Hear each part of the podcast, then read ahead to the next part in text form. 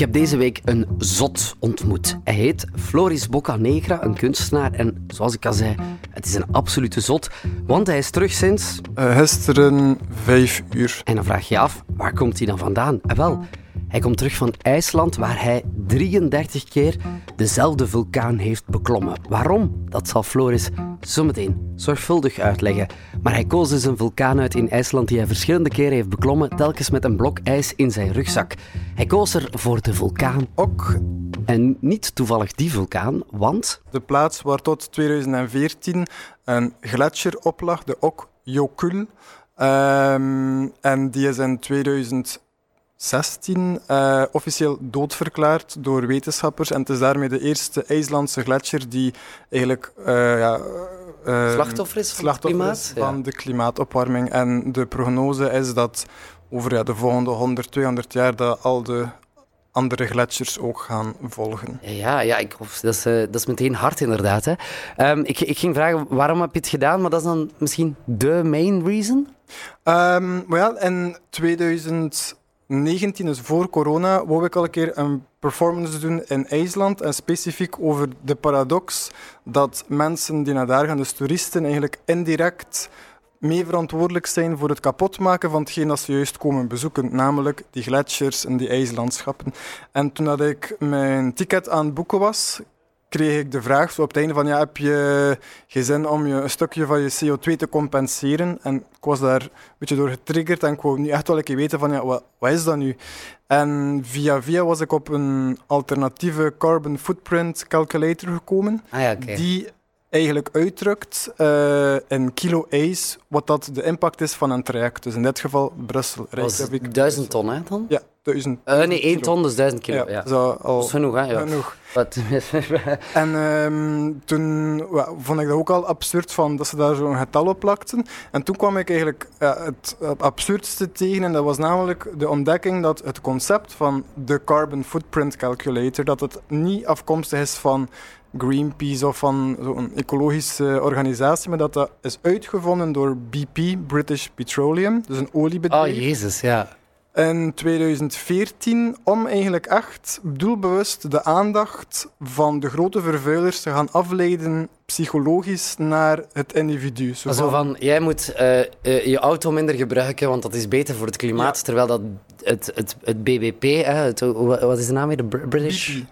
British Petroleum. Ja, voilà. Dat zij eigenlijk, het BPP, zo moet ik dan zeggen, dat zij eigenlijk ja, zelf heel veel uitstoten, heel veel ja. vervuiling in de zee, uh, olie in de zee kappen, bij wijze van spreken. Dat klopt. En dat ze dat eigenlijk moeten tegenhouden. Dat is een beetje, ah ja, ja. oké. Okay. En dat was dus de reden dat ik, die, dat ik echt zei van dat is zodanig absurd dat de grote vervuilers ons hier een beetje gaan zeggen van ja, begin ik met een eigen boezem te kijken. En dan heb ik eigenlijk het oorspronkelijke concept laten varen en mij echt gefocust op, op die duizend kilo. En dat was het doel van oké, okay, um, als ik zo gezegd een schuld heb ten opzichte van ja, de, de natuur van 1000 kilo, wat dan ga ik gewoon mijn schuld gaan uh, aflossen. Vereffenen. En... en dan ben ik uh, op het concept gekomen en gewoon naar daar geweest. Elke morgen um, een stuk of 170 liter smeltwater van riviertjes opgevangen. Dus smeltwater afkomstig van gletsjers. Dat dan s'nachts laten invriezen tot ijsblok. Buiten of in de diepvriezer? In een diepvriezer. Uh, en wat ik ook al ondertussen gezien heb, is dat er uh, mensen zeggen van ja, die diepvriezer heeft waarschijnlijk ook heel veel um, het is zo dat IJsland enorm veel geothermiek, geothermische energie heeft. Dus uh, vooral redelijk, ja, het was een... Redelijk groene energie. Ja, enfin, groen, compleet groene energie, dus. ja. Allee, dus s'nachts water ingevroren, uh, in kleine blokjes, in sterretjes, in vormpjes en dat dan naar boven. En uh, isolatie, zo wet uh, isomo bokken, bokken, blokken, dozen, ja. pardon, van 5, 15 kilo. En dat daar gewoon opgesmeten dan als je boven kwam? Uh, ja, maar het probleem was, allee, ik wist sowieso dat het ijs ging smelten, maar het was daar zodanig warm, het was daar uh, eigenlijk exact het weer zoals dat nu is. Dus ah jezus, heel, zo echt wel uh, goed zweet weer. Heel mooi weer, 18 graden, dat is 7 graden meer dan de gemiddelde temperatuur. um, dus met als gevolg dat het ijs eigenlijk naar, tijdens het naar boven gaan al aan het smelten was. En dat is, dat, dat is eigenlijk een, een extra ver, versterking van, het, het Sisyphus, van de Sisyphus-factor uh, van, van heel die performance, dat je eigenlijk ja, iets doet eh, dat totaal geen nut heeft. Net zoals... Ah ja, wat, eh, is Sisyphus- wat had hij weer gedaan, Sisyphus? Sisyphus is de, een Griekse mythe waarbij dat iemand gestraft werd dat, en als straf moest hij ja, tot in de eeuwigheid een bol op een berg duwen en als hij boven kwam dan rolde die bal gewoon terug naar beneden en dan mocht hij terug opnieuw Ja, begonnen. ja, dus het is een beetje vergelijkbaar, maar in plaats van een bol met ijsblokken. Geen SOA wel te verstaan, maar dus wel de Griekse Ja. eh, meneer die dus die bal naar boven moest duwen.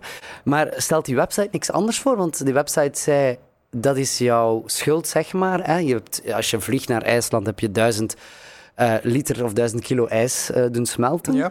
Zijn er eigenlijk andere dingen die de website ook voorstelt? Bijvoorbeeld, ik zeg maar iets, Ja. je moet er, zoveel bomen, je hebt zoveel bomen kapot gemaakt of zo. Ja, nee, wat dat ze wel zoals oplossing aanrekenen is van kijk, je kunt, om dat te compenseren kun je, ik zeg nu maar iets, duizend uur eh, fietsen in plaats van de auto. Dus dat gaven ze wel als, als Ja. redenen om ja, daar een idee op te plakken van ja, wat is dat eigenlijk, eh, wat, wat stelt dat voor en hoe vertaalt zich dat in ja, milieuvriendelijkere Ja. eh, keuzes. Ehm, dus dat was een, ja, een alternatief dat ze voorstelden. Hoeveel kilo ijs ongeveer per keer? Ik Denk Ja, vijf, zes, Ik heb zoiets? in totaal 1000 liter smeltwater opgevangen en gesmolten. Maar zoals ik zei, het, het, ja, het ijs smolt eigenlijk al op de weg daar naartoe een stukje. Ja. En vanaf dat, dat je echt in die rustzak zit, in die, eh, in die ja, zon, ben zelf ver- verbrand geweest. Dat was nu echt al het laatste wat ik aan dacht van mee te doen, was, was zonnecrème. eh, maar het was daar En naar IJsland. warm. Ja. En de volgende dag was het ijs dat er de dag ervoor gelegd werd, was al allemaal weggesmolten. Dus behalve hele kleine stukjes, dat ik uiteindelijk, na de, vanaf de tweede dag, had ik wel zo een put gemaakt in de sneeuw, om het toch nog een kans te geven en daar een, een gouden isolatiedeken nog een keer overgelegd. Maar ja, de tweede dag was het weggevlogen, dus heb ik het nog helemaal moeten gaan zoeken. Aan de andere kant van die krater, dat, dat de isolatiedeken. Ja, dat is zo dat Ehm, goudsding, hè? Zo, ja, ja. ja, Dus dat houdt echt wel goed, oftewel de temperatuur buiten, of de warmte buiten, oftewel binnen. Zien hoe dat je het draait. Ja. En dan een beetje een, een soort van visieuze cirkel, want het smeltwater dat jij opving, ja, dat ijs ging je dan boven leggen en dan smolt dat eigenlijk terug en dan ging je eigenlijk hetzelfde Ja, water is- precies als een beetje naar boven Dus draaien. het maakt allemaal deel, deel uit van, van de absurditeit van... Ja, dat is een soort van monnik eigenlijk, hè, bijna? Ja. Ja. Ehm, zijn je ogen nog meer open gegaan? Of ben je al lang... Of, eh, de, de, de klimaatzaak is natuurlijk al lang bijzonder urgent Mhm. bij iedereen, denk ik. Maar zijn je ogen extra open gegaan, bijvoorbeeld? Ja, niet meer dan, dan anders. Ik denk dat ik iemand ben die een goede blik op de wereld Mhm. heeft. En het is niet zo dat enkel milieu mij, mij interesseert. Het is gewoon in het algemeen zo de minder fraaie kantjes van de wereld. Mijn, kunstenaarsnaam is Floris Boccanegra. En Boccanegra is eigenlijk een Italiaanse bijnaam die gegeven werd aan eh, mensen die voor invloedrijke families eh, eigenlijk slechte dingen eh, vertelden over andere families tijdens de renaissance-periode. Waarom deden ze dat? Eh, pardon? Waarom deden ze dat? Eh, voor gewoon ja, mensen. eh, Slechte naam. Dus ik zei Floris stinkt, bijvoorbeeld. En dan zeg ik aan een andere familie. Ja, en dat is gewoon dat, meestal van bijvoorbeeld die persoon heeft dat gezegd. En om gewoon ja, om, om ruzie te stoken, om, om politieke invloed Schaken op een hoog niveau, zoals men dat Ja. vandaag eigenlijk ook een klein beetje doet op een bepaalde manier. Ja. Ehm, Floris, misschien nog even over, over die Calvarietocht zelf. Hè. Wat, Mhm. wat was het lastigste? Ehm, het lastigste was het naar beneden gaan, omdat die berg, er is daar niet echt een pad. Wat ik wel heb gedaan is tijdens de eerste paar keer naar omhoog gaan, zo telkens steentorentjes gemaakt. Ehm, een- ik heb er een Polaroid van getrokken die op mijn, op mijn website vanavond komt, om wel makkelijk telkens de weg te vinden, want er is niet echt Ah, een dus pad. je volgde de, de stapeltjes Ja. stenen. Ah, ja. Ehm, en, maar het was vooral het naar beneden gaan, want als je echt pech had, zet je je voet op met, met zijn volle gewicht op een steen die los zit.